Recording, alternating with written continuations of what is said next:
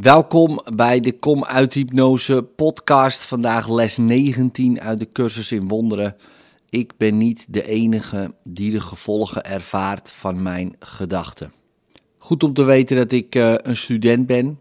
Uh, uh, en dit helpt mij om, om die lessen beter binnen te laten komen. En ik hoop jou ook.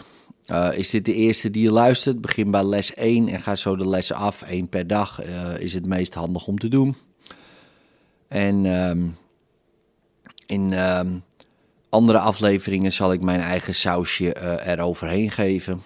Uh, maar s ochtends zullen de daglessen zijn. Het idee van vandaag is natuurlijk de reden waarom jouw manier van zien niet alleen op jou invloed heeft.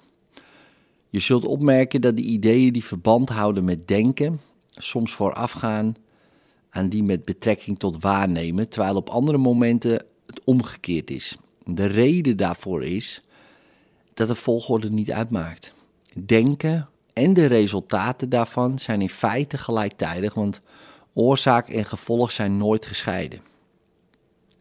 En dat is interessant, al dus de cursus. dus we beklemtonen vandaag opnieuw het feit dat denkgeesten verbonden zijn. In het begin is dit idee zelden helemaal welkom, want het lijkt een enorm gevoel van verantwoordelijkheid met zich mee te brengen en kan zelfs beschouwd worden als een inbreuk op je privacy. Toch is het een feit dat er geen privégedachten bestaan.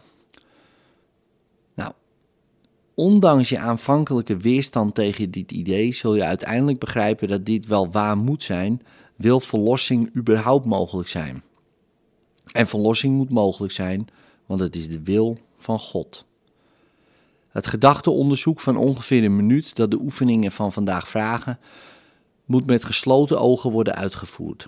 Herhaal eerst het idee van vandaag en onderzoek dan je denkgeest zorgvuldig op de gedachten die er op dat moment in aanwezig zijn. Noem ze elk terwijl je ze in ogenschouw neemt, naar de hoofdpersoon of het hoofdthema erin en zeg, terwijl je ze dus in je aandacht vasthoudt, ik ben niet de enige die de gevolgen ervaart van deze gedachte over. Puntje, puntje, puntje. Nou, inmiddels moet de noodzaak om de onderwerpen voor de oefenperiode met zo min mogelijk onderscheid te kiezen je nu wel vertrouwd zijn en daarom zal dit niet meer elke dag worden herhaald, hoewel het af en toe nog als geheugensteuntje wordt vermeld. Maar vergeet niet dat het willekeurig kiezen van onderwerpen voor alle oefenperioden steeds essentieel blijft. Het ontbreken van een rangorde in dit verband zal je uiteindelijk de betekenis van het ontbreken van een rangorde bij wonderen laten zien.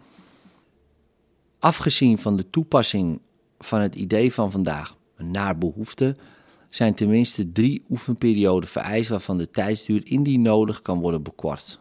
Probeer er niet meer dan vier. In liefde, tot morgen.